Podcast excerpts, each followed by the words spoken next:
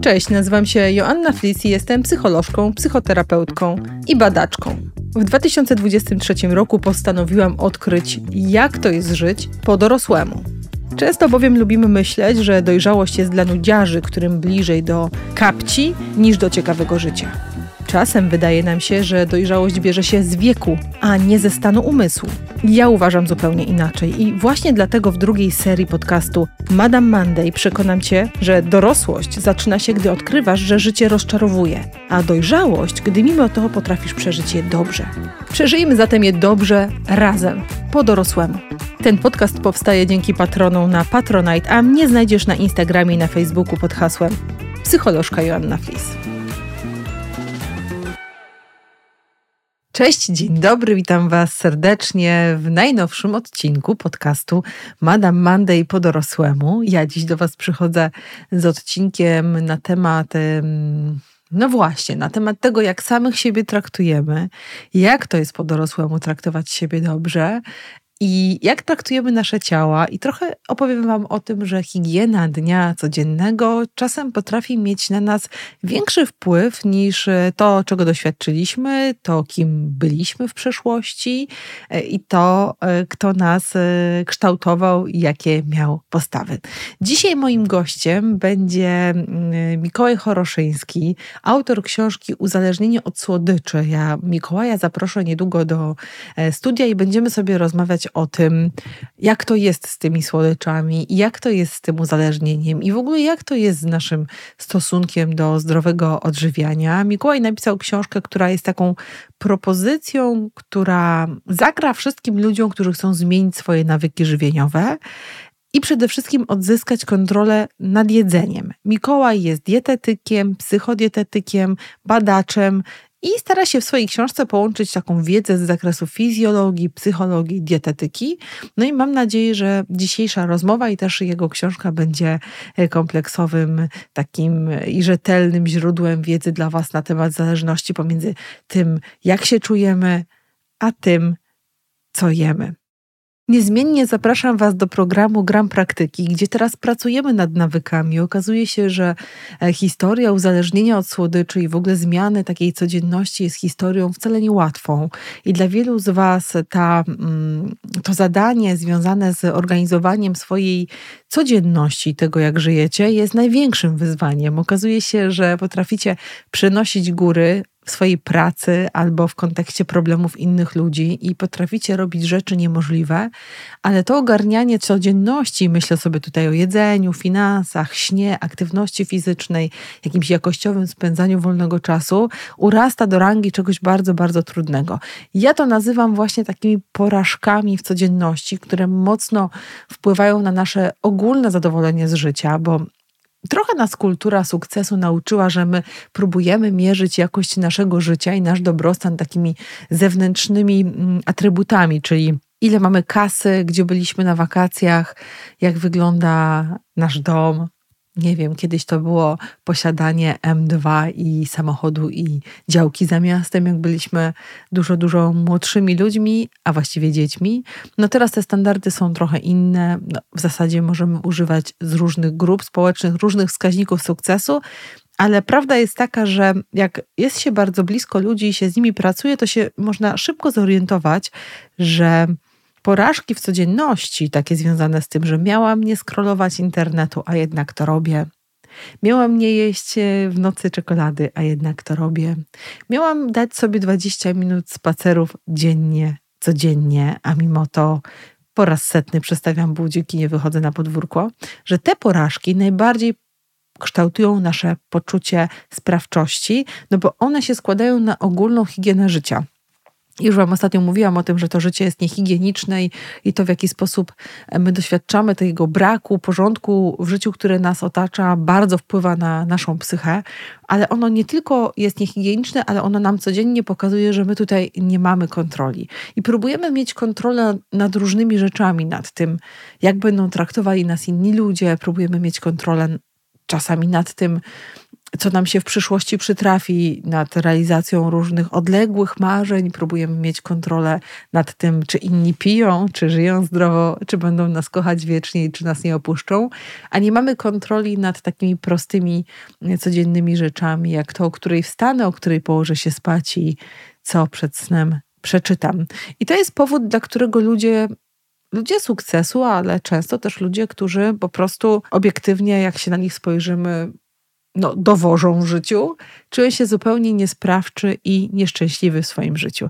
I kiedy obserwuję e, ludzi z gramu praktyki, którzy się zmieniają i cieszą się jak dzieci, bo wyszli na spacer, albo cieszą się jak dzieci, bo w końcu zjedli zdrowy posiłek, albo cieszą się jak dzieci, bo odłożyli trzeci dzień z rzędu swoją szczoteczkę do mycia zębów na miejsce.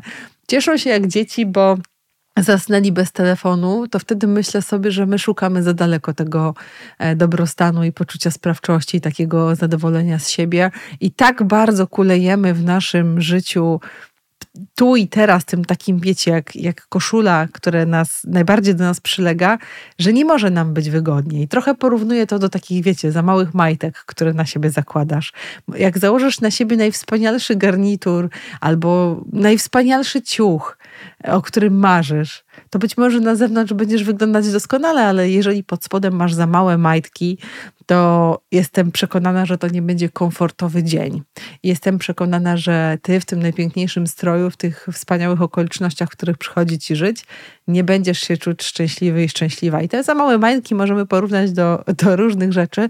I tak sobie myślę, że Trochę to jest o, o tym braku umów wobec siebie, ale też trochę to jest o tym, że wywodzimy się wszyscy z czasów których niewiele nas nauczono. No, kogo nauczyli dorośli tamci, jak zarządzać kasą, e, jak sprzątać, bo dzielimy się albo na kompulsywnych sprzątaczy i to nie jest zdrowe, albo na ludzi, którzy mają ciągle problem z bajzlem wokół siebie. Nikt nas nie nauczył, jak się odżywiać, nikt nas nie nauczył, jak dbać o higienę snu, nikt nie miał szansy nas nauczyć, jak też dbać o cyfrową higienę, bo to jest akurat, słuchajcie, dorobek e, współczesności. I my te wszystkie zdobycze Y, potrzebujemy pozyskać w dorosłym życiu. I część z nas się szybko budzi i jak robi taki mały research tego, jak żyje, to, to nagle się orientuje, że takie, takie basicowe rzeczy, które fajnie byłoby być wyposażonym już na początku dorosłego życia, są do zrobienia i do roboty, to część z nas się przeraża, część z nas się motywuje, część z nas jakoś tam sobie tłumaczy tą swoją rzeczywistość, mówiąc,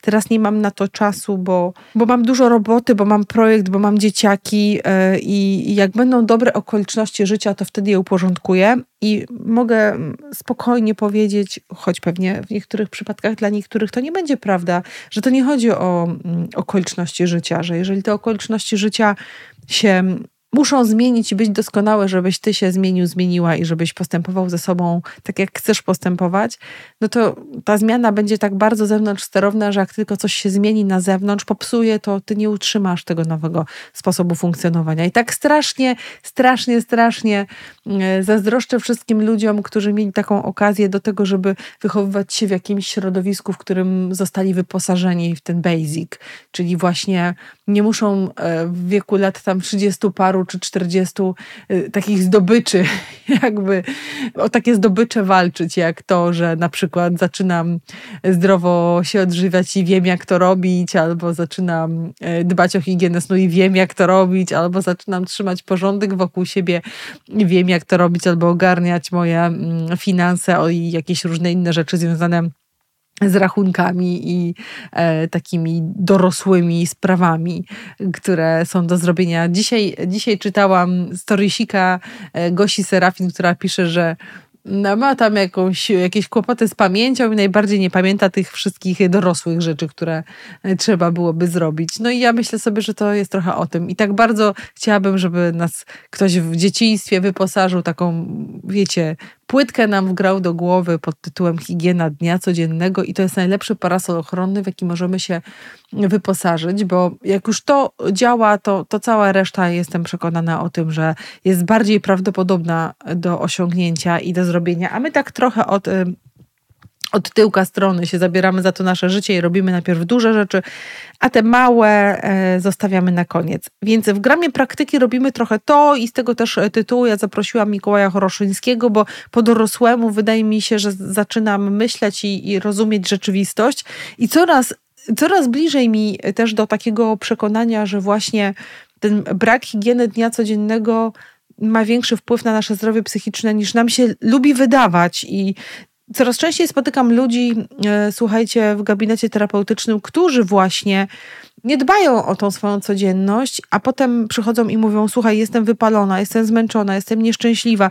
To na pewno moje cechy syndromu DDD, to na pewno moje cechy syndromu DDA, to, to, to być może depresja, coś, coś bardzo dramatycznego, może to są zaburzenia lękowe. A potem nagle, jak się tak zbliżamy do tej codzienności, to nagle się okazuje, że no, to jest, co czujesz w swoim życiu, to jak się czujesz w swoim życiu, no jest adekwatne. Nie jesteś chora, tylko adekwatnie, nie jesteś chory, tylko adekwatnie reagujesz na to, jak żyjesz. Jeżeli cały czas y, zapychasz swoją głowę toną lękorodnych informacji, jeżeli nie dosypiasz, jeżeli nie, nie uprawiasz aktywności fizycznej, jeżeli wrzucasz do siebie jakiś shit, jeżeli no, no nie dbasz o to, żeby odpoczywać, relaksować się, no to trudno byłoby oczekiwać, że będziesz w świetnej kondycji psychicznej, że będziesz optymistycznie nastawiony do świata i że będziesz pełna poczucia sensu, spełnienia i sprawczości. No to, to się po prostu nie wydarzy. Te kropki się muszą nam po dorosłemu e, połączyć i myślę sobie, że mówię to do was i mówię to też do siebie, bo w tamtym roku ja pracowałam nad moimi nawykami, a w tym roku prowadzę was ku temu miejscu i zaskakuje mnie, jak bardzo te kropki nam się potrafią nie łączyć i jaką mamy łatwość w przypisywaniu tego naszego samopoczucia, które wynika z braku higieny dnia codziennego, innym czynnikom, najlepiej bardzo odległym, na przykład jakimś doświadczeniom okresu lat 4-6. I, to, I czasem to jest oczywiście prawda, bo gdzieś tam był jakiś początek i ktoś był tam niedokochany, niedozaopiekowany, porzucony, zraniony, skrzywdzony, straumatyzowany. To wszystko jest prawda, ale może się okazać, że ty sobie z tym, co było, radzisz świetnie. Ty nie radzisz sobie z tym, co jest, bo właśnie ulegasz temu swojemu wewnętrznemu e, małemu leniowi, czy jak to nazwiemy, czy ulegasz tym drogom na skróty i może się okazać, że jesteś fantastyczny i fantastyczna w tym, żeby radzić sobie z traumą z przeszłości i tamtymi doświadczeniami, ale kiepsko sobie radzisz z tym, żeby nie zjeść kolejnej paczki e, chipsów wieczorem, a potem e, dziwisz się, albo wypić lampki wina, a potem dziwisz się, że masz obniżony nastrój. No i oczywiście próbujesz szukać w różnych miejscach, ale z pewnością nie tam, E, gdzie najbardziej boisz się coś zmienić, bo te zmiany często trzeba przeprowadzić, słuchajcie, tak na zapych, nie? Tak po prostu zacisnąć zęby i wytrzymać. I nie będę wam opowiadać głupot, bo pierwsze dni i tygodnie są często fatalne w tym procesie zmiany i po prostu chodzi o to, żeby podjąć decyzję, a potem z uporem maniaka się jej trzymać, nie dyskutować ze sobą, nie szukać kolejnych argumentów, nie bawić się w motywację, tylko się zawziąć, zawziąć się i przeprowadzić się przez ten e, najtrudniejszy okres. Trochę też zacząć o sobie inaczej myśleć, zmieniać tożsamość i myśleć o sobie, że nie chcę tylko osiągnąć celu, ale też chcę się stać po prostu człowiekiem, który dba o siebie i, i funkcjonuje zdrowo w swoim życiu. Dlatego dzisiaj, e, z tego między innymi powodu, e, zaprosiłam Mikołaja Choroszyńskiego, który jest właśnie psychodietetykiem. Zanim opowiadam Wam o naszych zwyczajach żywieniowych, bo prześledziłam sobie dla Was y, wyniki badań, to powiem Wam też, gdzie możecie mnie spotkać w najbliższym czasie, dlatego że będę w paru miejscach. Będę 19 na evencie Jakuba Bebączka, takim świetnym evencie dla mm, wszystkich, którzy lubią porozmawiać na ciekawe, motywacyjne, rozwijające tematy i tam wpadajcie. Ja tam występuję 19. To jest się odby impreza odbywa się w Katowicach. Wejdźcie na stronę Jakuba Bączka. Tam są wszystkie informacje na temat możliwości zakupienia biletów. Potem spotkacie mnie o, u Justyny Szysnogłowskiej 2 y, lutego na jej evencie razem z Klaudią Pingot. Będziemy rozmawiać z Justyną, Klaudią o miłości. Super, super się mm, na to cieszę. Więc y, zapraszam Was serdecznie. Jeżeli macie ochotę się spotkać, to e, czekam na Was i mam nadzieję, że to będzie dobre, wzmacniające, otwierające dla nas wszystkich e, doświadczenie. No i teraz słuchajcie, popłyńmy troszeczkę dalej, bo Centrum Badania Opinii Społecznej robi regularnie badania na temat tego, jakie mamy nawyki żywieniowe. I takie badanie, do którego dotarłam, Polak na diecie, trochę pokazuje nam wrzesień 2019, ono jest trochę starawe, e, ale jeszcze myślę aktualne, choć teraz trendy przez Instagram i, i, i TikToka i różne inne takie miejsca, które nas motywują na maksa się e, zmieniają. I chyba trochę to, co najbardziej według mnie jest niebezpieczne, to właśnie to skakanie po różnych, różnych dietach. No i w 2019 roku Cebos po pięciu latach przerwy powrócił właśnie do problematyki diet Polaków. Zadali sobie takie pytania o to, jak ilu Polaków stosuje jakąś specjalną dietę, jakiś konkretny sposób odżywiania, ilu z nas całkowicie wyklucza lub ogranicza spożycie określonych produktów, jakie produkty najczęściej lubimy sobie wyeliminować z naszego jadłospisu i co nas skłania do tego, że wybieramy określony sposób odżywiania, no i czy na przestrzeni pięciu lat, bo poprzednie badania przeprowadzone były w 2014 roku, zaszły jakieś zmiany. I Okazuje się, że zgodnie z wynikami ich badania, Podobnie jak 5 lat wcześniej, blisko co czwarty Polak, czyli 24% Polaków wykluczał lub ograniczał spożycie jakichś produktów, w tym po 8% z tych osób zrezygnowało po jakimś czasie ze stosowania tej diety. Czyli 1 czwarta nas e, stosuje dietę eliminacyjną. No i na przestrzeni roku, jak dużo osób stosuje tą dietę i nadal nie spożywa tych produktów, to okazało się, że 16% nadal nie spożywa tych produktów, a 8% słuchajcie, zrezygnowało. Z ich analiz takich zróżnicowań społeczno-demograficznych wynikło, że częściej diety eliminacyjne stosowali młodsi a w szczególności najmłodsi respondenci, czyli tutaj 18-24 y, lata. I to byli mieszkańcy największych ponad półmilionowych miast, 36%, absolwenci wyższych uczelni i badani zadowoleni z warunków materialnych swoich gospodarstw domowych. I mi się to składa. Młodzi ludzie, którzy chcą nauczyć się, jak jeść inaczej, którzy często e, są wykształceni, mają dostęp do różnych innych zastępczych produktów i mają kasę, bo my za rzadko mówimy o tym, jak wielki wpływ na to, co my jemy, i na jakiej diecie my jesteśmy, mają nasze finanse.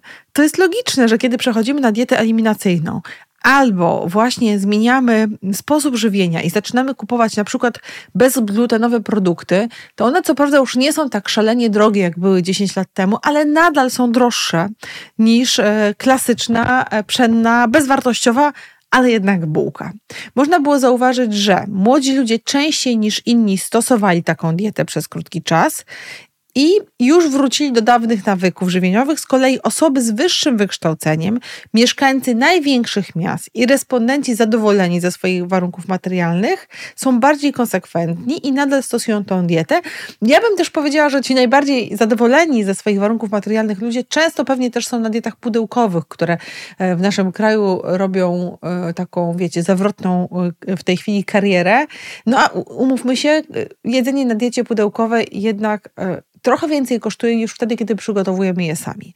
Okazuje się, że więcej kobiet niż mężczyzn, ale nie aż tak bardzo, 27% do 22% e, stosowało diety i one są bardziej konsekwentne. 18% kobiety, 15% mężczyźni.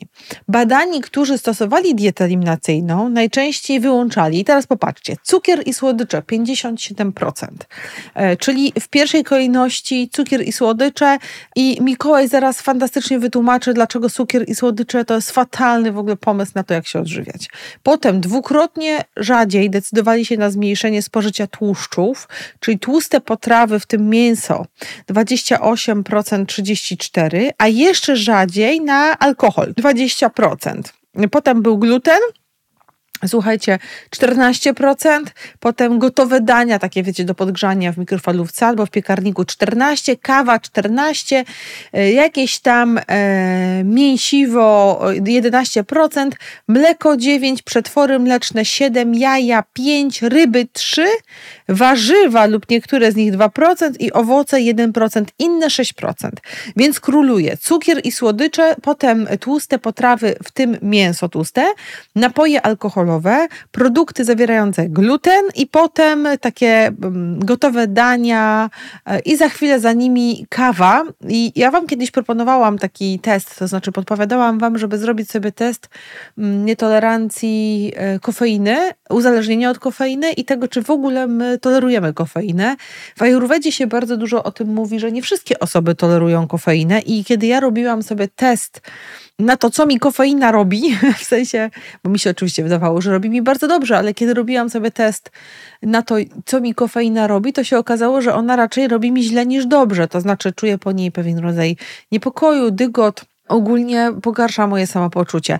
Więc w tej chwili staram się pić kawę tylko do południa. Ci, którzy są ze mną dłużej i pamiętają kurs o odpuszczaniu, wiedzą, że wtedy miałam taki okres, kiedy w ogóle tej kawy nie piłam i super się czułam. Nie wiem, jak to się stało, jak z każdym nałogiem, że do tej kawy wróciłam, a w międzyczasie nawet zaopatrzyłam się w ekspres do kawy. To jest właśnie logika ludzkiego umysłu wtedy, kiedy e, próbujemy zapanować nad wiedzą na temat tego, że coś nam szkodzi, nie? Głowa swoje, ręce swoje, emocje swoje, ale w tej chwili staram się pić kawę tylko do południa i bardzo, bardzo e, mi to służy. Nie notuję spadku energii, nie notuję spadku nastroju i zawsze jak stawię kawę, albo zmienię sposób jej spożywania na mniejszą ilość, to po prostu po jakimś czasie zaczynam czuć, jak przychodzi do mnie taka naturalna energia, której ja mam sporo, ale są różne okoliczności życia. Teraz powolutku zaczynam się w tym coraz lepiej orientować, które mnie tej energii pozbawiają. Jak widzicie, ostatnio jestem dużo bardziej naenergetyzowana, i jeszcze się wiosna nie zaczęła, a ja już jestem na takiej pompie, więc myślę sobie, że wiosna będzie moja i przebiegnę wszystkie te kilometry, które sobie obiecałam. Natomiast y, to jest efekt y, właśnie zmiany trybu życia i to jest też, wiecie, bardzo ciekawe, bo chciałabym się wam, z wami tym podzielić, że te efekty wcale nie przychodzą tak szybko, że te różne rolki pod tytułem za trzy tygodnie ty zauważysz, że czujesz się świetnie, bo ćwiczysz, a za sześć tygodni cały świat się tobą zachwyci, to jest bullshit. Najczęściej jest tak, że efekty przychodzą w dość mocno odroczonym czasie i długo, długo my różne zachowania podejmujemy i podtrzymujemy na fali naszego optymizmu najpierw, a potem głębokiego przekonania, że to ziarno pozwoli nam zebrać żniwa, zanim te żniwa zbierzemy i że to jest norma. I że niecierpliwość i nastawienie w ogóle na efekt nam nie służy, i że mogę to poświadczyć na razie e, swoim e, e, aktualnym doświadczeniem, no, jak się coś zmieni, to Wam powiem. Natomiast jest wiele rzeczy, które zmieniłam, których, po których żniwa dopiero zaczynam zbierać po pół roku, po, po roku, a, a niektóre robię i kompletnie na razie nic nie zmieniają w moim życiu, ale wierzę głęboko w to, że to i tak ma sens. Nawet jeżeli nie jesteśmy w stanie pewnych zmian zauważyć, bo to trochę jest tak jak z całą resztą naszego życia, że my w tej części, w tym naszym umyśle, w tej części świadomej widzimy różne rzeczy, ale no przecież nie mamy wglądu w to, jak bije nam serce, jak w tej chwili pracuje nasz układ trawienny, nie mamy wglądu w to, jak pracują nasze płuca, no nie mamy w to wglądu, ale to nie znaczy, że to się nie dzieje. I tak samo jest z innymi zmianami. My możemy wprowadzać jakieś różne zdrowe nawyki, i trochę powalczyć tam ze sobą o siebie i postarać się, żeby to życie było lepsze i samopoczucie było lepsze.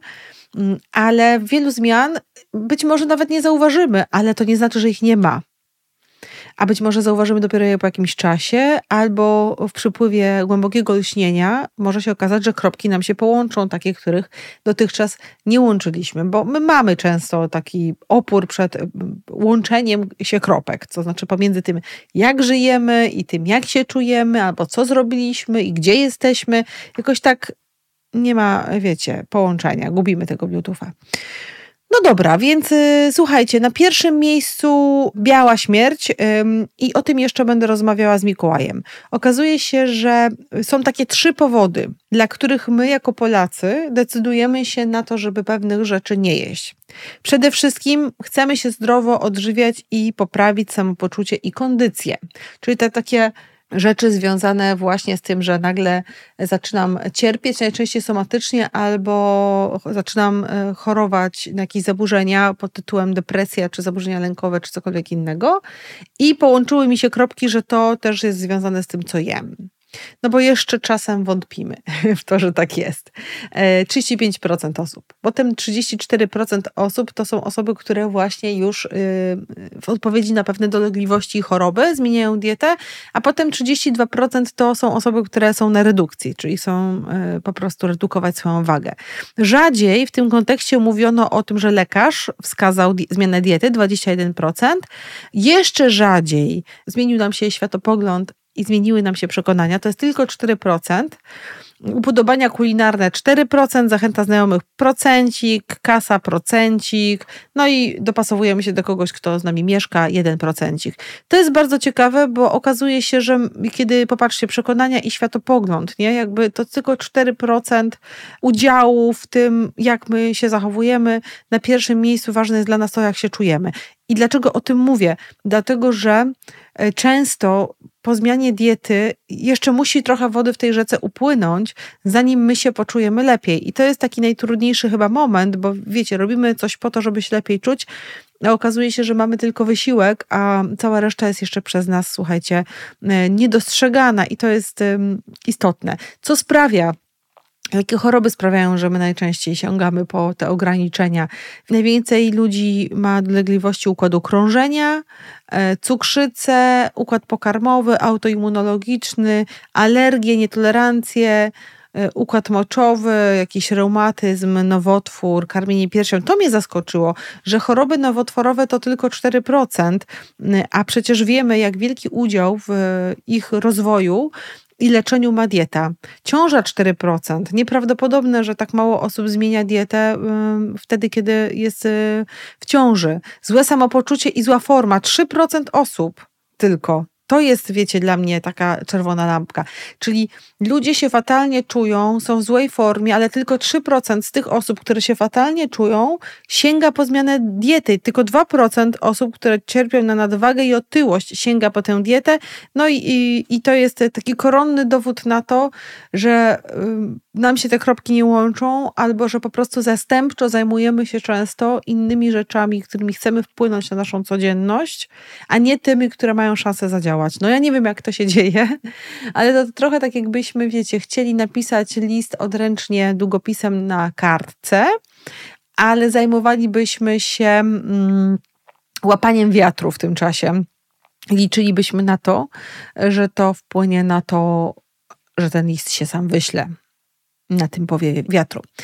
No i okazuje się, że wyraźna większość osób, które się zdecydowały na określony rodzaj diety, jest po, potem zadowolona z rezultatów 77%, a 49% wyraża umiarkowany yy, poziom zadowolenia. No i to jest mega ciekawe, bo okazuje się, że te rezultaty, słuchajcie, przychodzą, tak? Ale nie wszyscy są zadowoleni z rezultatów. A ja bym powiedziała, że dlatego, że czasami sobie wyobrażamy, że one będą spektakularne, a czasami długo musimy na nie poczekać, a czasami czasem trochę nasiąkamy tą zmianą i ona codziennie, codziennie sprawia, że my się czujemy lepiej i ona nie jest przecież jak pstryczek światła, które my włączamy i wyłączamy, tylko jest czymś, co narasta, narasta i my się do tego przyzwyczajamy i nie mamy okazji tego po prostu śledzić. Ja Was bardzo, bardzo zachęcam do tego, żebyście się przyjrzeli swoim motywom i powodom, dla których w ogóle chcecie się zająć swoim żywieniem, albo nie chcecie się zająć swoim żywieniem. Na pewno wśród tych diet, które polegały na wykluczaniu, e, to to my mamy, jak widać, dość rozsądne podejście, tak? No bo tłuszcze, cukier i alkohol e, pojawia się na pierwszym miejscu.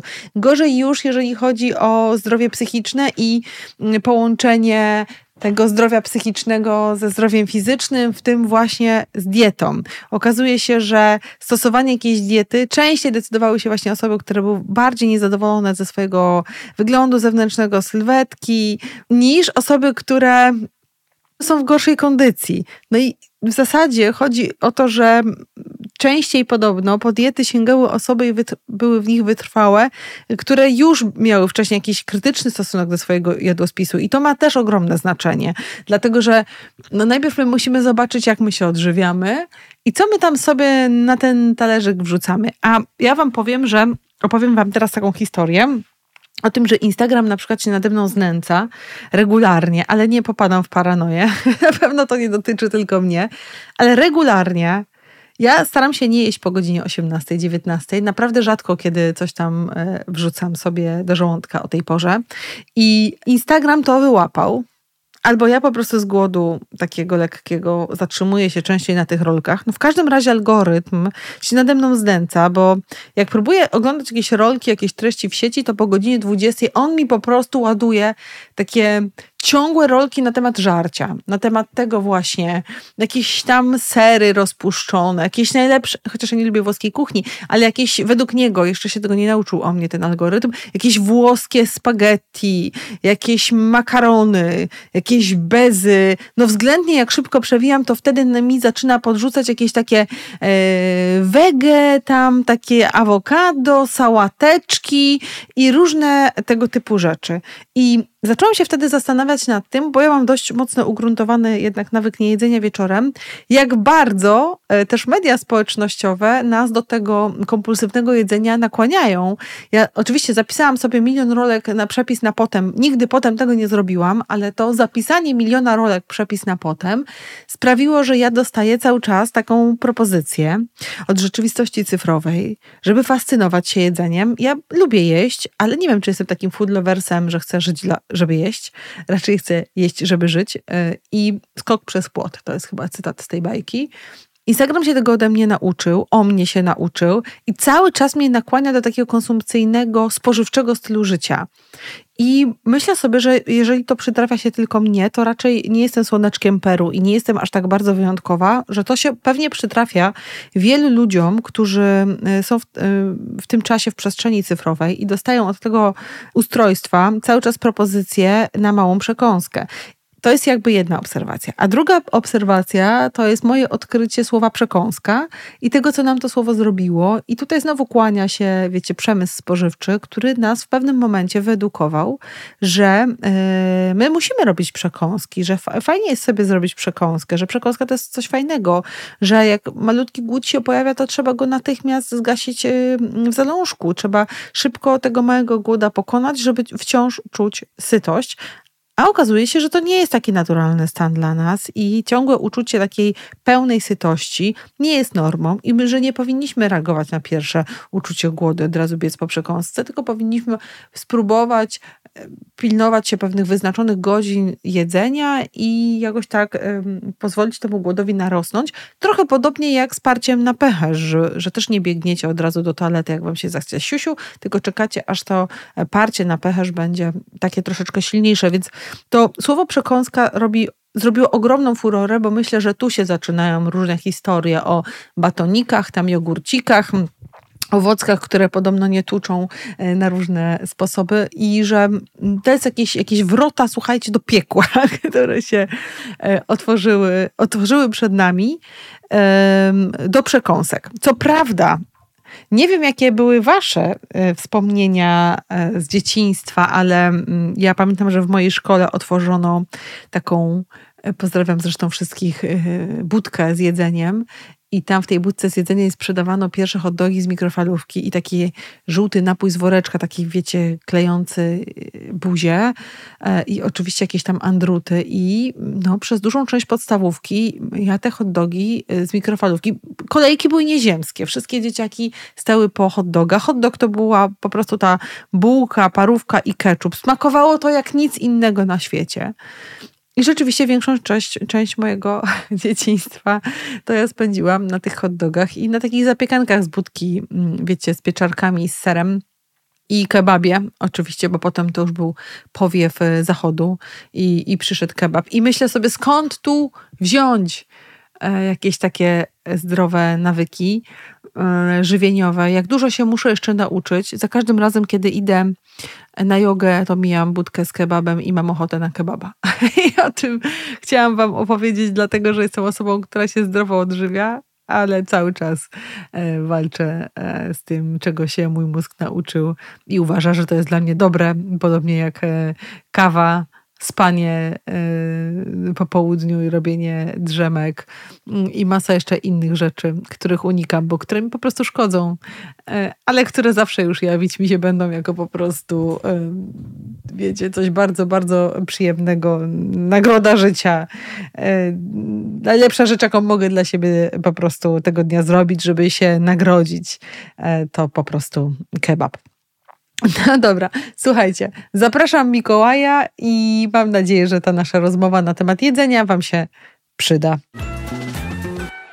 Cześć Mikołaj, dziękuję, że przyjąłeś zaproszenie do podcastu Madame Monday podrosłemu. Cześć Jasiu, dziękuję, miło mi się z Tobą słyszeć. No styczeń to jest taki szczególny y, miesiąc w roku, ponieważ dużo osób planuje zmiany, a pośród tych zmian, y, zmiany nawyków żywieniowych chyba y, jakby są w takiej topce, nie? W pierwszej dyszce nawyków, których chcemy się pozbyć jest jedzenie słodyczy. Tak, to pojawia się często.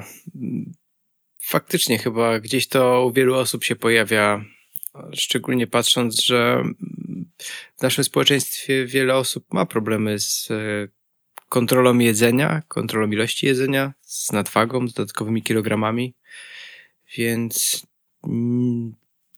nie dziwię się, że, że takie cele się pojawiają, no ale dobrze jest je zaprojektować, żeby nie ciążyły, żeby wspierały, a nie ciążyły.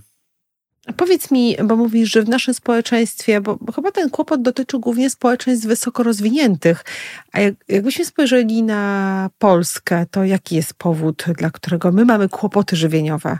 Bo ewidentnie je mamy, się z Tobą totalnie zgadzam, tylko zastanawiam się, e, jaka jest, jakie jest źródło naszych kłopotów z jedzeniem, bo myślę sobie, że każda kultura obiadania się albo niezdrowego jedzenia ma swoje źródła e, w różnych miejscach.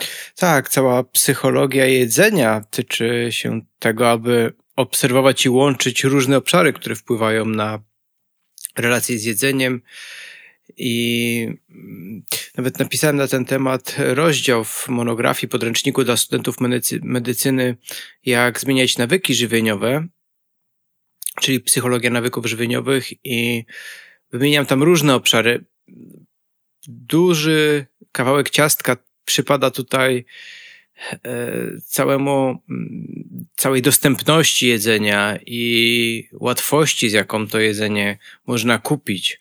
No ale oczywiście też jest ten element związany z wychowaniem. E, nawet dzisiaj rozmawiałem z jedną osobą, która wspominała, że miała, że ma przyjemne wspomnienia z dzieciństwa związane z jedzeniem, ale głównie faworków, ciast i, i innych słodyczy. I teraz nad tym pracuję, żeby e, odzyskać zdrową relację z jedzeniem, żeby właśnie ta żywność, z którą pamięta z dzieciństwa, no nie ciągnęła się cały czas e, e, jakimś trudem. Dalej mamy pewne biologiczne uwarunkowania, które sprawiają, że lubimy wysokokaloryczne produkty i bardzo smakowite lubimy smak słodki. E, większa część osób lubi smak słodki, jest też grupa osób, która preferuje bardziej smak e, słony, tłusty, umami, te, te obszary. Tak, to ja. tak, to ja. Ja, ja kompletnie nie rozumiem, jak można zakochać się w czekoladzie, ale jestem e, absolutnie pełna zrozumienia dla wszystkich osób, które zajadają się e, chipsami, ostrymi e, potrawami, ramenem i różnymi innymi tego typu rzeczami. Czyli mamy swoje biologiczne uwarunkowania. Wiesz, jeszcze wrócę na chwilę do, do tej kwestii, wiesz, wspomnień z dzieciństwa, bo znowu ja mam takie doświadczenia z pacjentami i pacjentkami, że im się taki wypełniony brzuch jeszcze kojarzy z E, z bezpieczeństwem, z taką, wiesz, jakby kozji atmosferą, z miłością, czyli taki, ja bym powiedziała, rozepchany żołądek, czyli takie wypchanie po, po kokardkę i położenie się pod ciepłym kocykiem e, w łóżeczku. Dziś, na przykład mi to się kojarzy z przejedzeniem, tak już adekwatnie, ale kiedyś również kojarzyło mi się po prostu z takim miłym, niedzielnym obiadkiem, po którym się nie możesz ruszyć. tak, też pamiętam ten, ten czas, jak jak z rodziną siadaliśmy do niedzielnego obiadu i często było na przykład spaghetti, które było e, tłuste, mięsne, z dodatkiem na stole stała oliwa i ser żółty, więc każdy jeszcze mógł sobie tych kalorii tam wrzucić co niemiara i faktycznie, mhm, i faktycznie też to wiązało się z, z tym, że każdy był później przejedzony i niezdolny do żadnej aktywności później. Co ciekawe też pamiętam, że wtedy u nas panowały takie dosyć napięte i smutne relacje w rodzinie, a na przestrzeni lat i pracy mojej i, i nas wszystkich, E, teraz e, jakiś czas temu mm, zauważyłem, że spotykamy się wszyscy przy e, wielkiej misce makaronu ze szpinakiem i z jajkiem i, i obok jest jeszcze większa miska sałatki, przy której i przy tym posiłku wszyscy się cieszymy, rozmawiamy, więc to oczywiście może ewoluować, ta relacja z jedzeniem i relacja z, z bliskimi, to często idzie w, w parze. E, więc tak, i to też e, obserwuję po sobie na przykład, że pizza, jak mam ochotę na pizzę, to, to nie mam ochoty na dwa kawałki pizzy. Tylko pizza mi się kojarzy właśnie z takim też wypełnieniem i takim poczuciem bezpieczeństwa. E, więc jest to istotny czynnik, który, który warto przede wszystkim zauważyć i nazwać i zacząć go obserwować, bo to jest pierwszy krok do dalszej zmiany, że coś takiego sprawia nam przyjemność, bo jeżeli to chodzi o uczucie bezpieczeństwa, to możemy się zastanowić, e, co sprawia, że, że czujemy brak tego bezpieczeństwa, jakie potrzeby są niezaspokojone i tak pracujemy w programie FitMind z pacjentami, mm, którzy mają problem z uzależnieniem od jedzenia, z uzależnieniem, z obiadaniem się, z mm, takim cyklicznym odchudzaniem się przez całe życie. I często za, za tym wszystkim kryją się niezaspokojone potrzeby, więc e, chcemy je nazywać. Czy to jest właśnie potrzeba odpoczynku, czy to jest potrzeba e, bezpieczeństwa, czy to jest potrzeba łatwości. Więc tak, mm-hmm. to jest istotny element. Wiesz co, ja myślę sobie, że e, dopiero do nas powoli zaczyna docierać, że można mieć niezdrową relację z jedzeniem, na przykład mając e, mimo wszystko wagę w normie, albo że niezdrowa relacja z jedzeniem to nie jest tylko mm, takie patologiczne obżeranie się albo anoreksja i zaburzenia odżywiania pod postacią bulimi, tak? Czyli zaczynamy orientować się, że niezdrowa relacja z jedzeniem to też wtedy, kiedy za każdym razem, kiedy czuję napięcie, łagodzę to napięcie właśnie tą przysłowiową gostką czekolady albo makaronem, tak? E, I wiesz, mam takie wrażenie, że mamy dużą lekcję do odrobienia z, tej, z tego postrzegania, gdzie zaczyna się kłopot, dlatego że sama wiem po sobie, że miałam skłonność do oceniania niezdrowych relacji z jedzeniem po ilości kilogramów. Czyli przecież wiadomo, że jeżeli to jest szczupła osoba, to ona na pewno ma prawidłową relację z jedzeniem, a to nie do końca tak wygląda, prawda? Nie, zupełnie jest błędny obraz. E, fakt, na, pod nasze skrzydła, skrzydła naszej fundacji FitMind trafiają osoby z prawidłową masą ciała, często aktywne fizycznie, natomiast ta relacja z jedzeniem tam jest mocno zaburzona. I mm, jeszcze aktywność fizyczna jest e, takim czynnikiem mm, gdzieś to zdrowie i fizyczne, i psychiczne regulującym, oczywiście w zdrowych y, ilościach. Natomiast to jest też ciekawostka, że osoby, jest takie mm, określenie skinny fat, czyli osoby, które mają prawidłową masę ciała, natomiast mają stłuszczone narządy.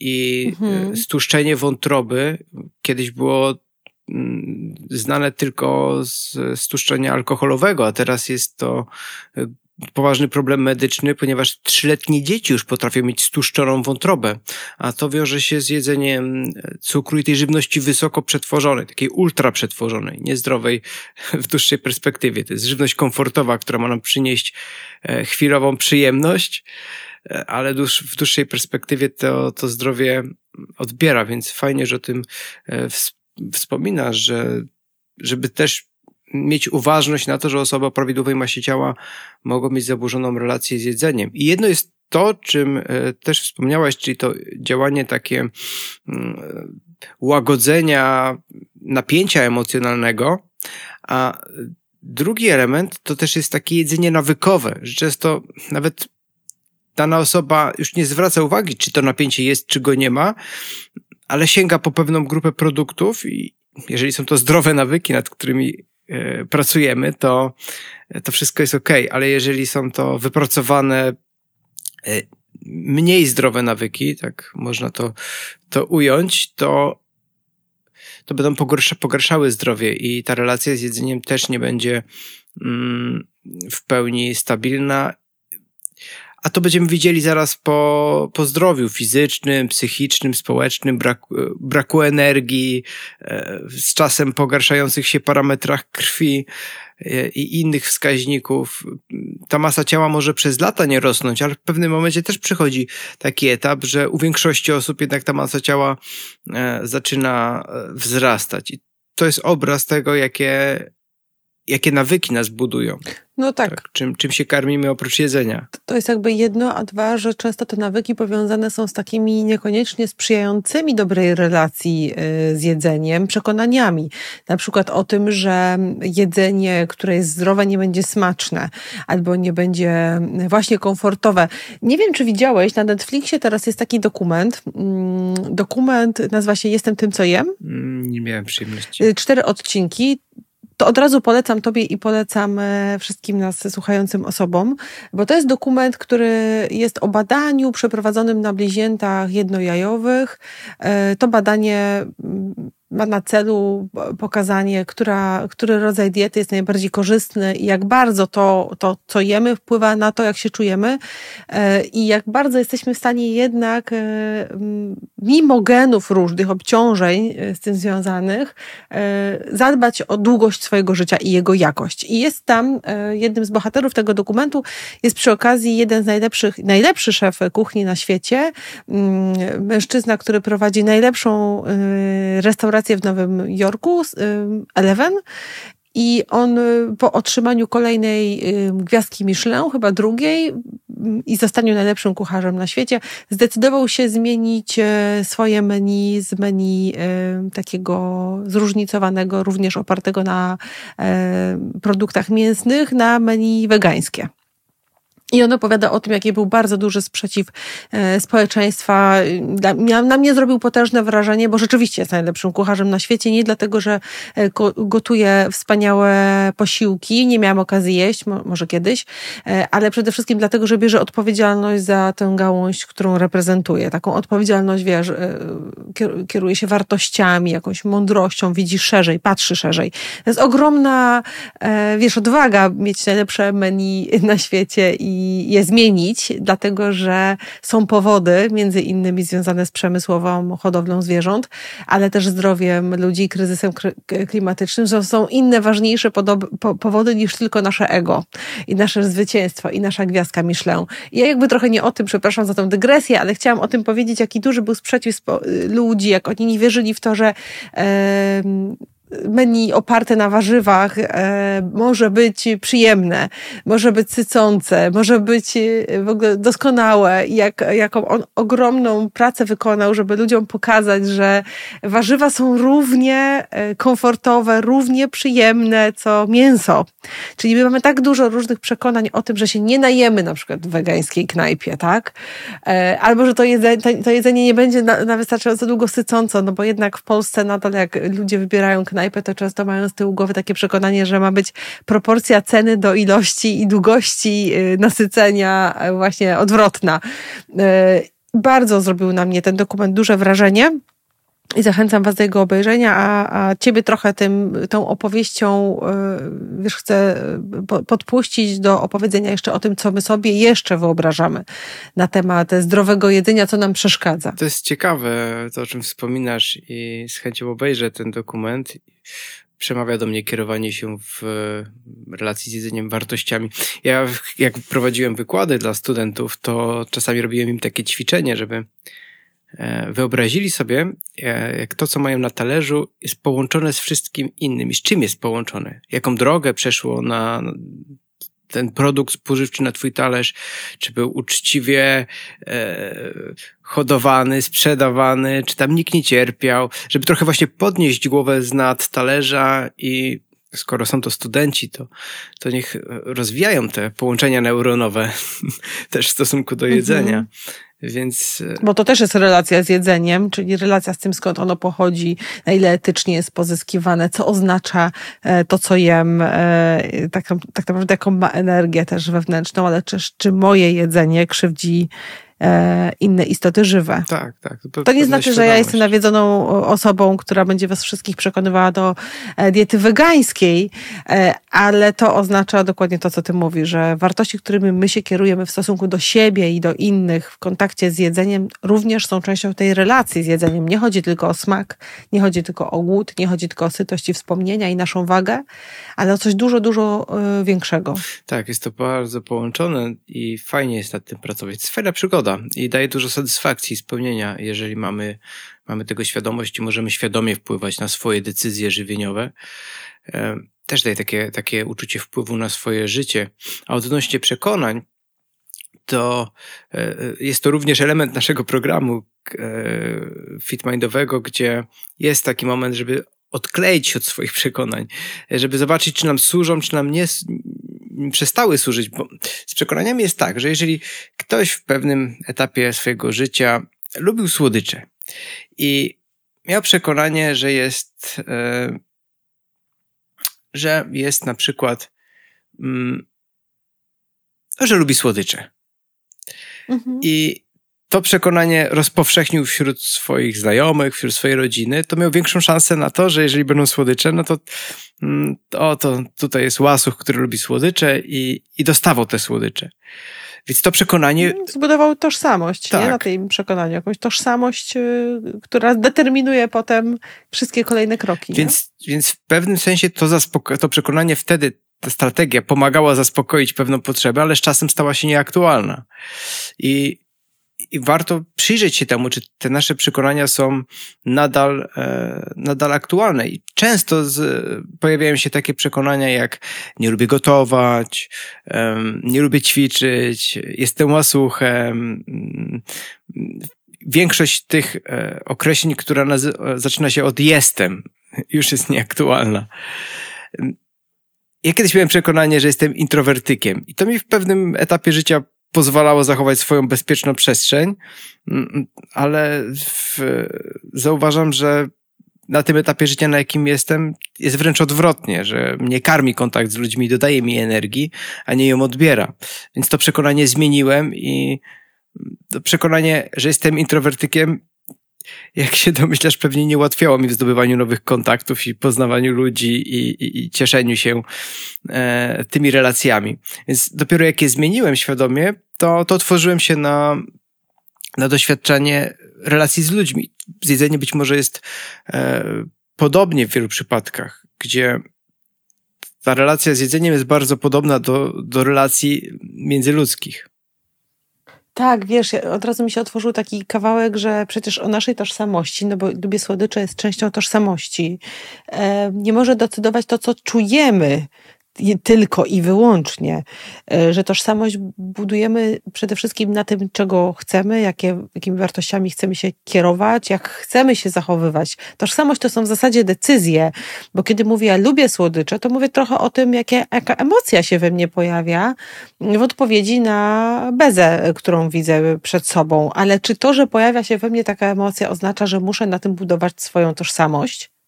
No niekoniecznie, bo może się też we mnie pojawiać różne, mogą się we mnie pojawiać różne emocje, na przykład wtedy, kiedy ktoś mi, nie, nie jestem kierowcą, ale mogę sobie o to opowiedzieć, kiedy ktoś mi zajeżdża drogę, gdy prowadzę auto i budzi się we mnie złość, wcale nie oznacza, że ja od razu buduję w sobie tożsamość złośnika, nie? Złośnicy.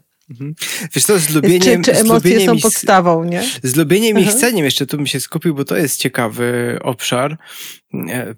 Ponieważ na, na lubienie nie mamy zbyt wielkiego wpływu. Jak coś lubimy, to to, to już jest z nami, tak? To, to mm, jest już uwarunkowane. E, natomiast mamy wpływ na to, co chcemy. I to jest istotne. E, swojego czasu mm, opisywałem taki przypadek e, kobiety, która lubiła imprezować. I chodziła na imprezy, tam piła alkohol, brała różne dragi, bawiła się do rana, potem ledwo e, wyczerpana szła do pracy, której nie za bardzo lubiła. E, ale lubiła taki styl życia. Po prostu była z nim w jakiś sposób związana. E, ale dopiero w momencie, kiedy poznała mężczyznę i zaczęła pracę charytatywną w schronisku, jej wartości się zmieniły. Ona nadal lubiła imprezować, mhm. ale dla niej wartością wtedy było większą to, żeby wstać rano i e, pomóc w schronisku oraz żeby mm, spędzić czas e, przytomnie ze swoim partnerem. I, i. To wykorzystujemy też w naszej, w naszej, w procesie zmiany nawyków żywieniowych. Czyli jak coś lubimy, to okej, okay, to, to już zostanie i to też nie jest całkowicie wykluczone i powiedziane, że tych produktów, których lubimy, mamy nie jeść. Tu chodzi o taką elastyczną, zdrowe podejście do, do tych produktów. E, ale też, żebyśmy mieli całą inną paletę kategorii, z których możemy skorzystać, jeżeli chcemy na przykład poprawić sobie samopoczucie. To jest ważne, nie? że to, że coś lubimy, jeszcze nie oznacza, że musimy żyć pod dyktando tych sympatii albo antypatii, a nawet powiedziałabym więcej, że czasem jest tak, że rzeczy, których nie lubimy, stają się naszymi ulubionymi i tak jest z wieloma produktami spożywczymi, do których jesteśmy negatywnie nastawieni. Wiesz, one się trochę kojarzą z taką nudą, a to trochę tak jak e, kategoria dojrzałości albo trzeźwości, że jak ludziom się opowiada o trzeźwym życiu albo o życiu z nawykami, albo o, o jakichś rutynach, jakimś porządku, to natychmiast mają takie poczucie, że to będzie nudne, pozbawione radości, monotonne i takie sztywne, nie? Nobliwe. E, I tak samo jest z jedzeniem, nie? Że jak wiesz, mówisz o obiedzie przy y, y, makaronie ze szpinakiem, to mogą się nam otwierać z tyłu głowy takie przekonania, co za nuda, przecież e, to spaghetti z nieograniczoną ilością sera e, jest czymś dużo bardziej, wiesz, mm -hmm. spontanicznym, nie? Mm -hmm. I ciekawym. To jest bardzo ważne, żeby się temu przyjrzeć, jak my, jak, jak bardzo ograniczające przekonania mamy do co do niektórych produktów. Kiedyś na przykład ryby nam się w Polsce wydawały bardzo nudne, ale taki schabowy był super. Mm -hmm. Tak i jeszcze co, co do tej zmiany tego, co lubię i czego, tego, co nie lubię, to e, jest taki.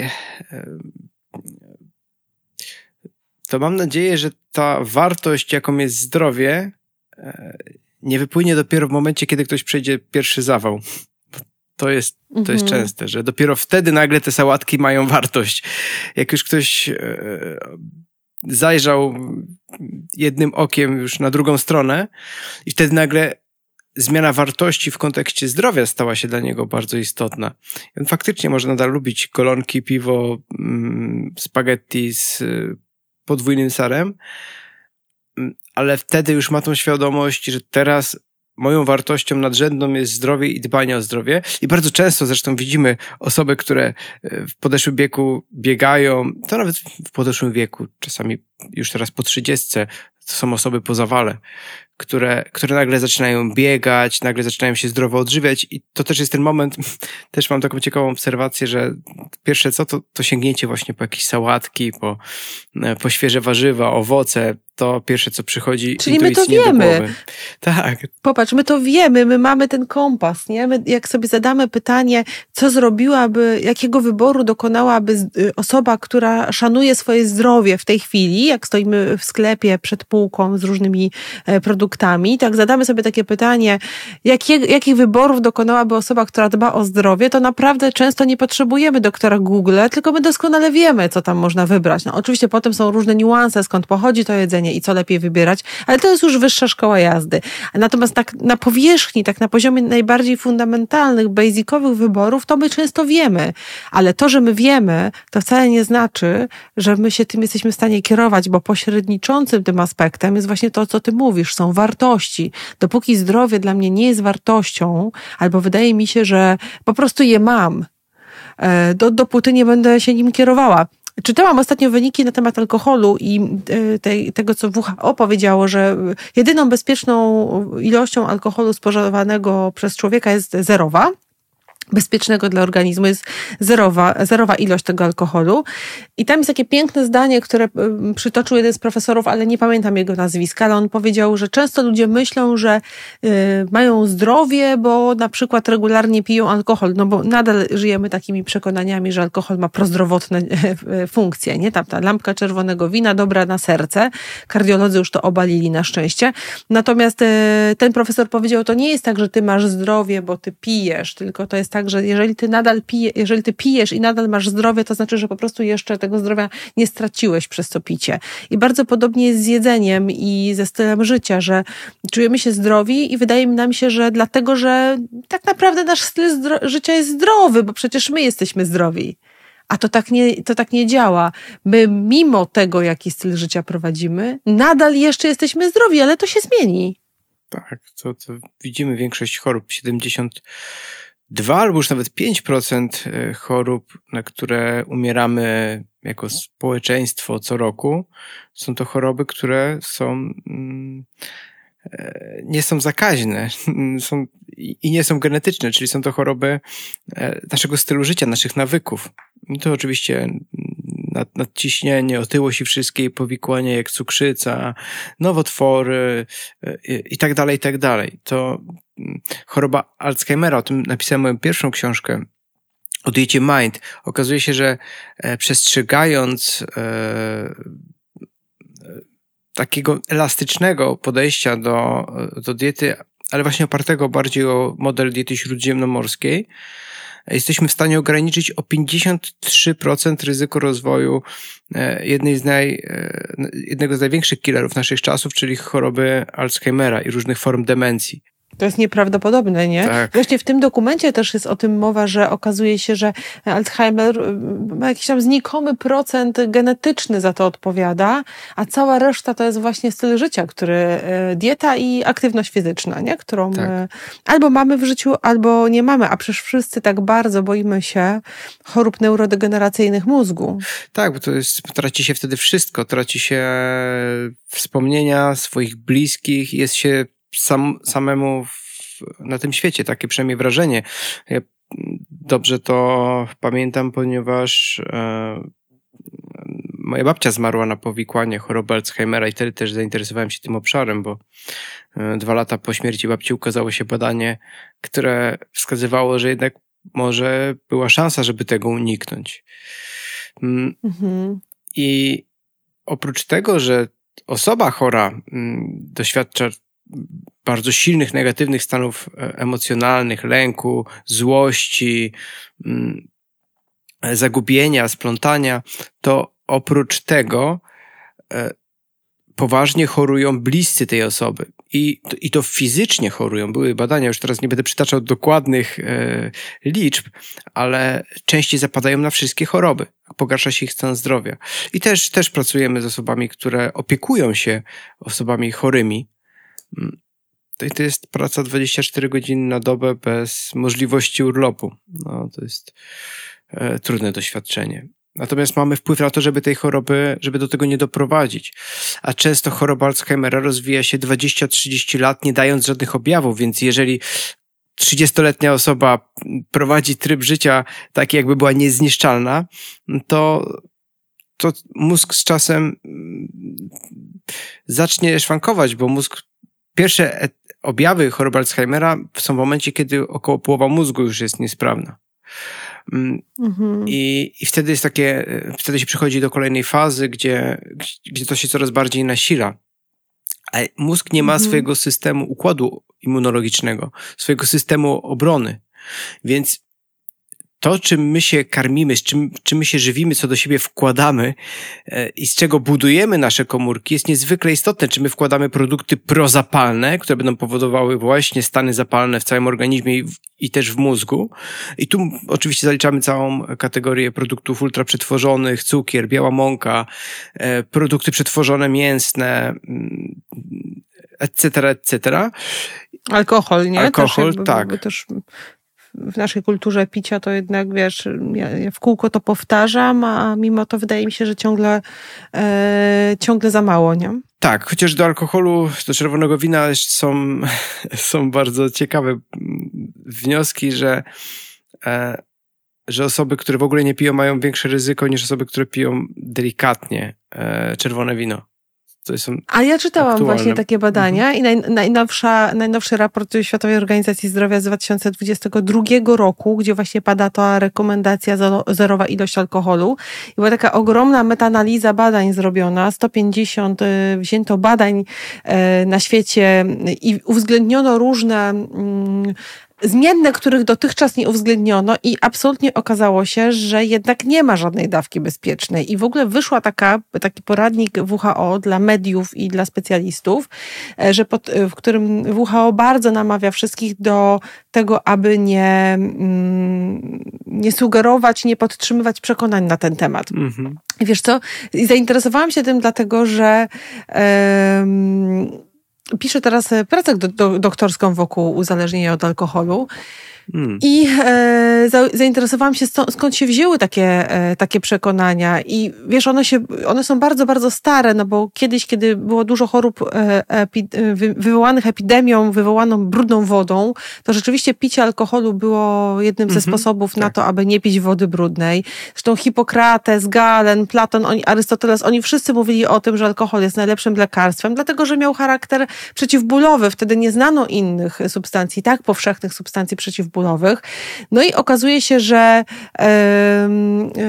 te, te przekonania przetrwały do, do tego stopnia, że różne wyniki badań różnych badaczy są ze sobą sprze sprzeczne. No i w końcu się za to wzięto w 2022 roku i zrobiono ogromną metaanalizę badań i okazało się, że nie ma. Nie ma bezpiecznej dawki alkoholu, bo nawet jeżeli e, wycinkowo ona, możemy powiedzieć, że jego wpływ jest jakiś tam dobroczynny na jakiś organ albo obszar ciała, to e, ogólnie globalnie dla całego organizmu jest niszczące. Tak, efekty to jest Właśnie ja wspominam o tych badaniach bardziej w takim kontekście ciekawostki, ale tutaj zgodzę się z Tobą w pełni, że efekt taki całościowy mm, jest e, odejmujący jest zdrowie. Jest fatalny.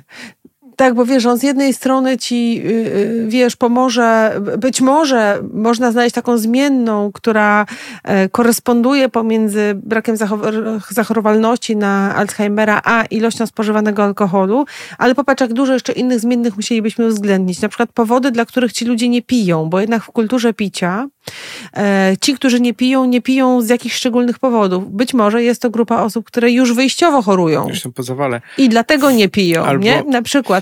Więc, ci ci no, dlaczego piją. Wiesz, jak to z badaniami. Ci dlaczego piją też e, zawsze to podkreślałem i podkreślałem to w książce, że sam alkohol nie ma żadnych cudownych właściwości, tylko często wiąże się z kontaktami społecznymi. I te kontakty są leczące, nie? A, nie sam, a nie sama dawka alkoholu.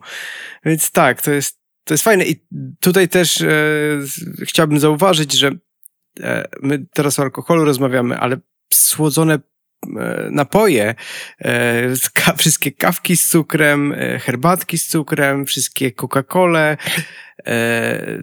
i wszelkie inne produkty mają podobny szlak metaboliczny do alkoholu te e, wypity cukier, nie zawierający błonnika, czy to nawet może być sok 100%, e, ale on jest już pozbawiony błonnika i po wypiciu on bezpośrednio trafia do, do wątroby i e, powoduje jej stłuszczenie z czasem, powodując stany zapalne i w skrajnych przypadkach prowadzi do marskości wątroby. W Stanach Zjednoczonych, gdzie ten poziom otyłości jest bardziej zaawansowany niż u nas, chociaż patrząc po najmłodszym pokoleniu, to jeszcze mamy szansę ich dogonić, albo coś, albo coś z tym mhm. zrobić I, I, wiem, że jest wiele inicjatyw. My z Fundacją też podejmujemy takie inicjatywy, żeby e, edukować.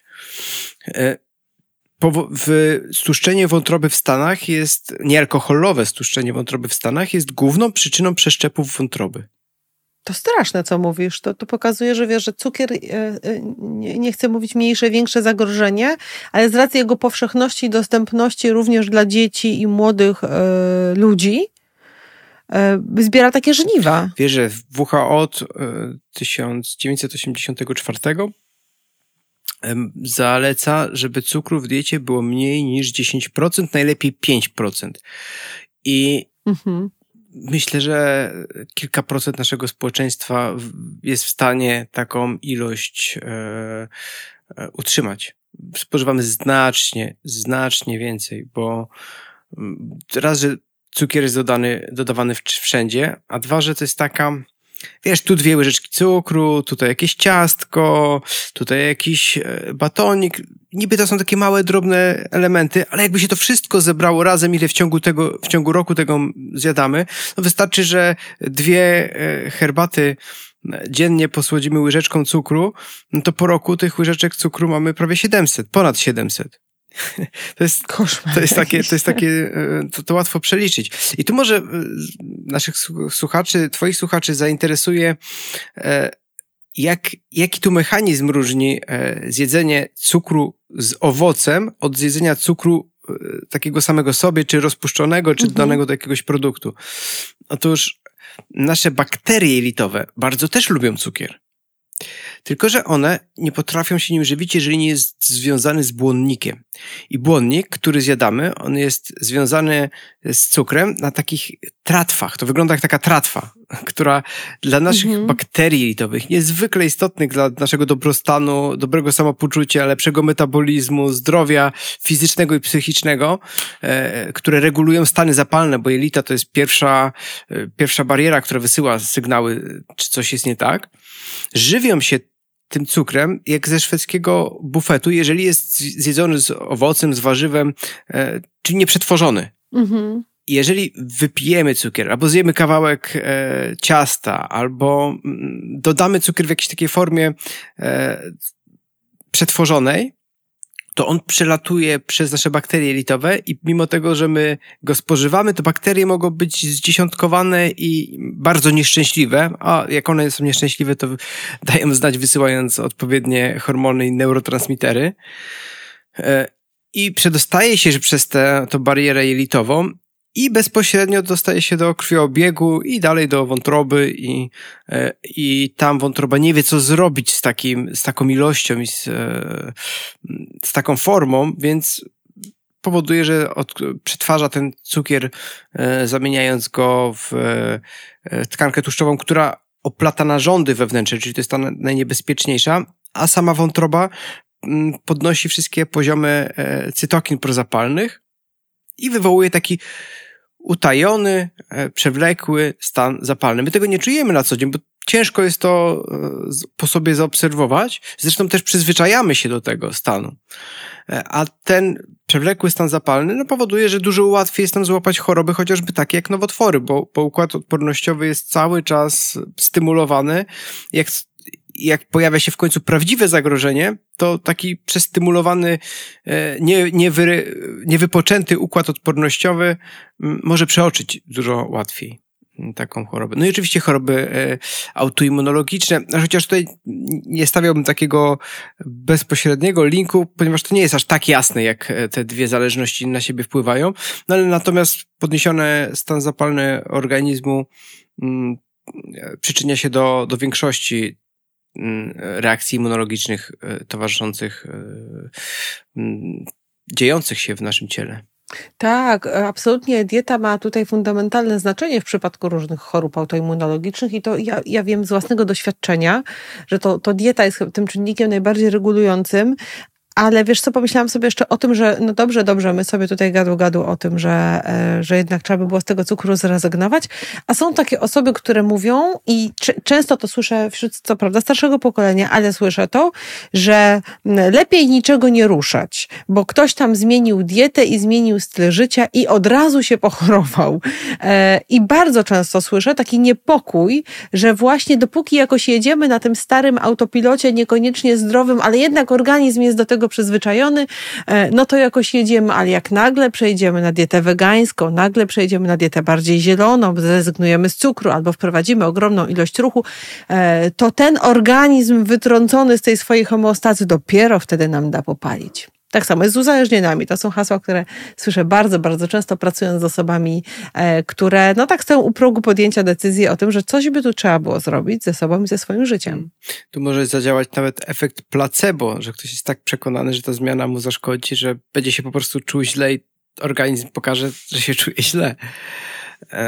Tak jest. Mhm. Więc to tak może też zadziałać, ale faktycznie to, to, nie oznacza, żeby sobie coś e, wykluczać, tylko żeby się otworzyć na nowe możliwości, żeby eksperymentować, żeby codziennie stawać się trochę lepszą wersją siebie i, mhm. i, i próbować nowych Czyli ta zmiana nie musi być spektakularna, nie? Ona nie musi być, ja nie muszę z dnia na dzień stać się e, zagorzałą weganką, która je mniej niż 5 gram e, cukru dziennie i codziennie robi 10 tysięcy kroków, bo dla większości z nas to będzie po prostu nie niemożliwe, bo do takich spektakularnych zmian dorasta się latami. Zupełnie właśnie, to, to, to, to zupełnie nie o to chodzi, żeby takie zmiany zrobić, bo nawet jeżeli ktoś od stycznia z nowym postanowieniem stwierdzi, że będzie codziennie robił 10 tysięcy kroków, a wcześniej robił 3 tysiące, że zacznie się odchudzać i włączy aktywność fizyczną, to dopóki będzie zaciskał pięści i zęby, to będzie wychodziło, ale jak już rzuci, to rzuci wszystko i stare nawyki wrócą. Mhm. I to, to akurat są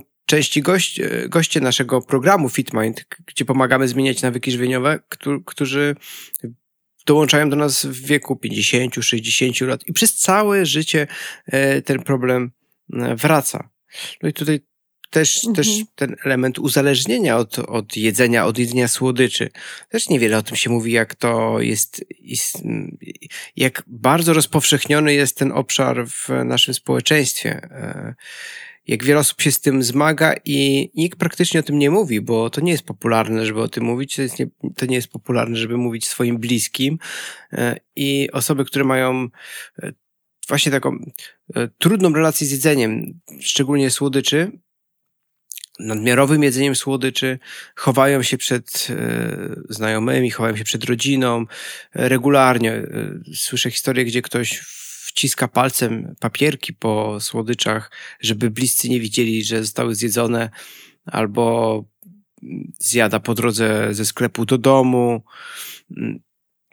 Jedna z, e, jedna z moich pacjentek przeprowadziła się z Polski do Sztokholmu i była mhm. przyzwyczajona do tego, że u nas się je no, jakiś tam łakoć codziennie, jakiś tam batonik, czekoladka.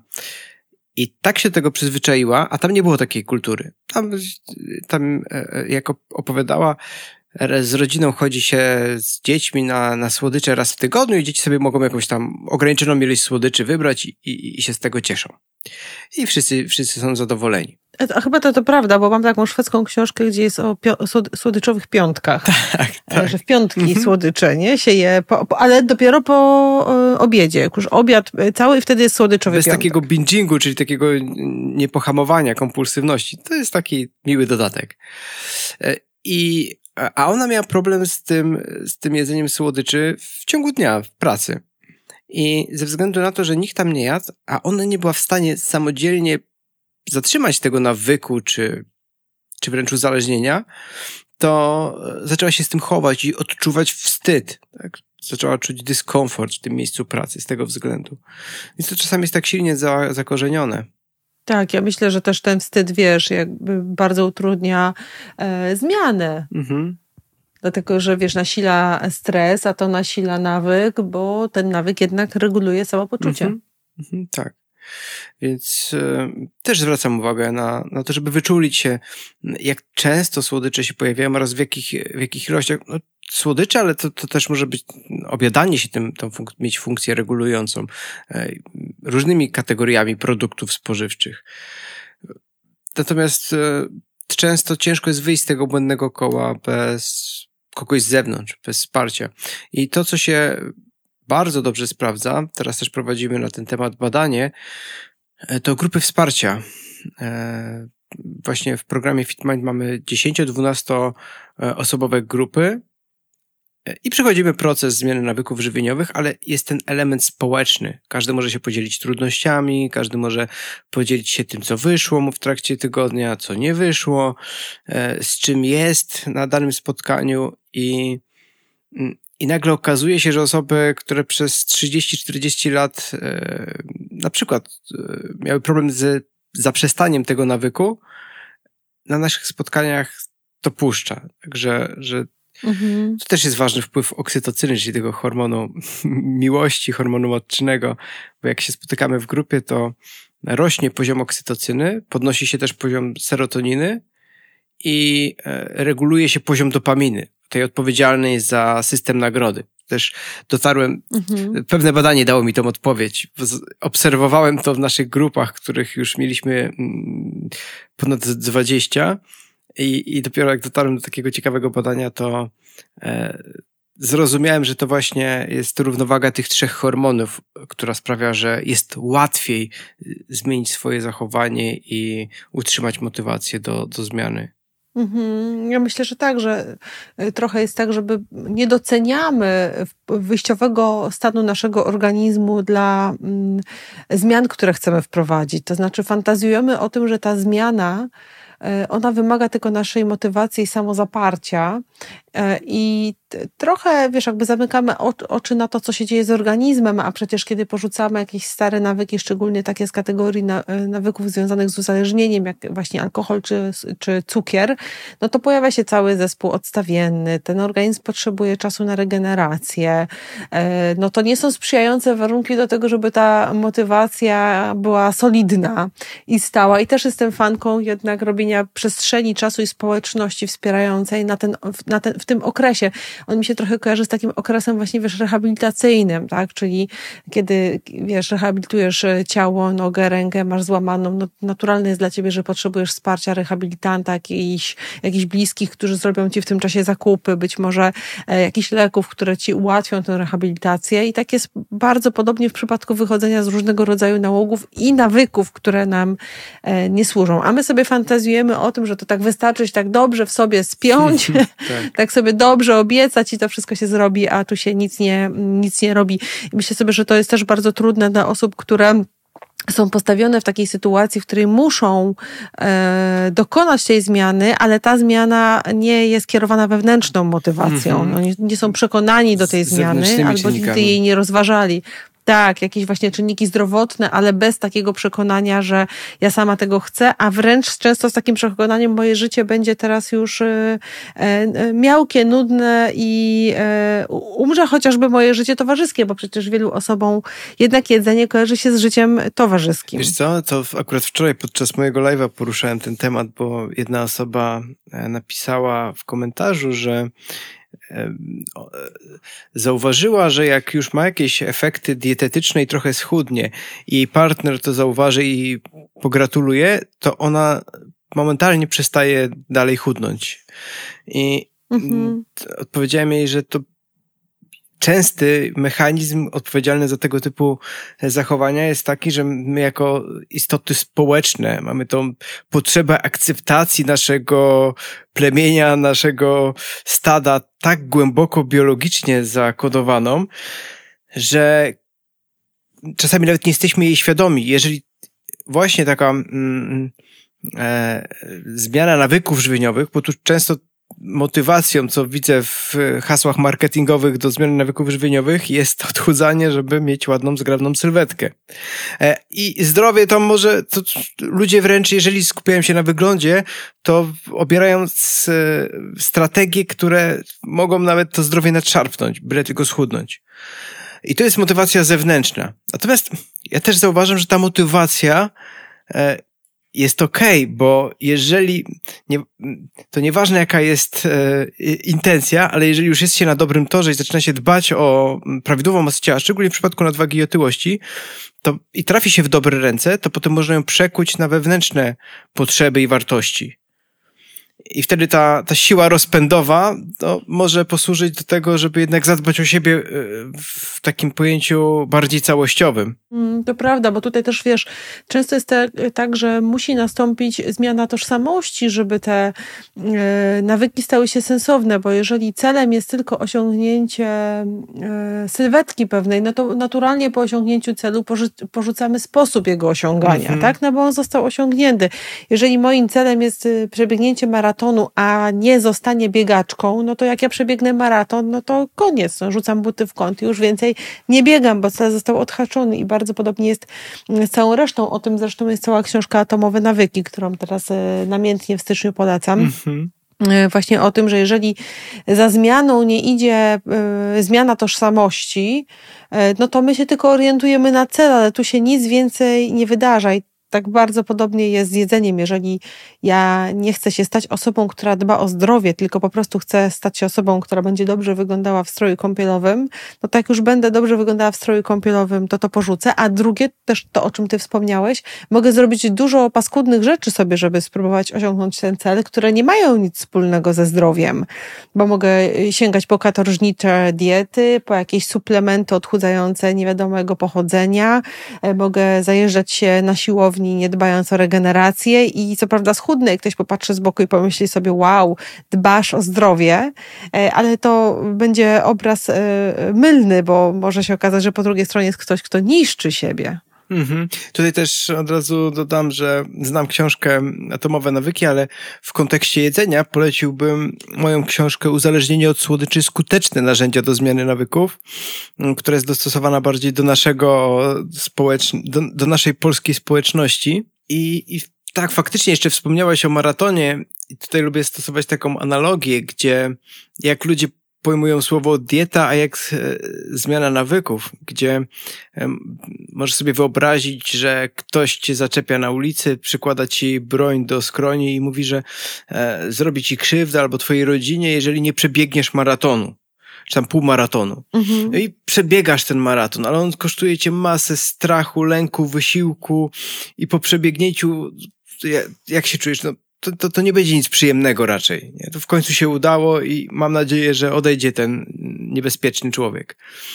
A, a teraz wyobraź sobie, że chcesz przebiec mara maraton, że, że chcesz go, chcesz to zrobić i przygotowujesz się, e, kupisz sobie fajne buty do biegania, rodzina cię będzie wspierała. Potem jest dzień maratonu, cieszysz się, czujesz mm, ekscytację, e, twoja rodzina towarzyszy ci, czekają na, czy, czy, czy znajomi, czekają na na mecie, przebiegasz i cieszysz się i doświadczasz tego naprawdę pozytywnie.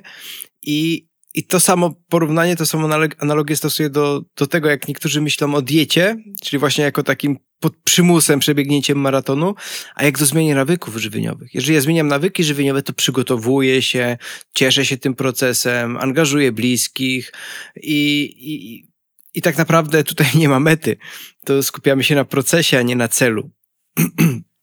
Co też jest, ist... to jest ważne, tak, co też jest istotne w, w styczniowym, w styczniowym, w styczniowych postanowieniach, żeby, e, żeby celować w proces i cieszyć się każdym dniem, gdzie możemy poprawić jakąś jedną, e, jeden procent siebie, niż stawiać na cel. Bo cele są istotne, ale na przykład, jeżeli współpracowałem kiedyś więcej ze sportowcami, no jeżeli sportowiec ma jakiś event sportowy, to chce zrzucić kilka kilogramów, albo żeby się zakwalifikować, albo na przykład, żeby lepiej mu poszło, jak to są sportowcy e, wydolnościowi, ale oni po tym evencie sportowym wracają do swojej poprzedniej masy ciała. I tak samo jest, jeżeli ktoś chce przed, do ślubu schudnąć.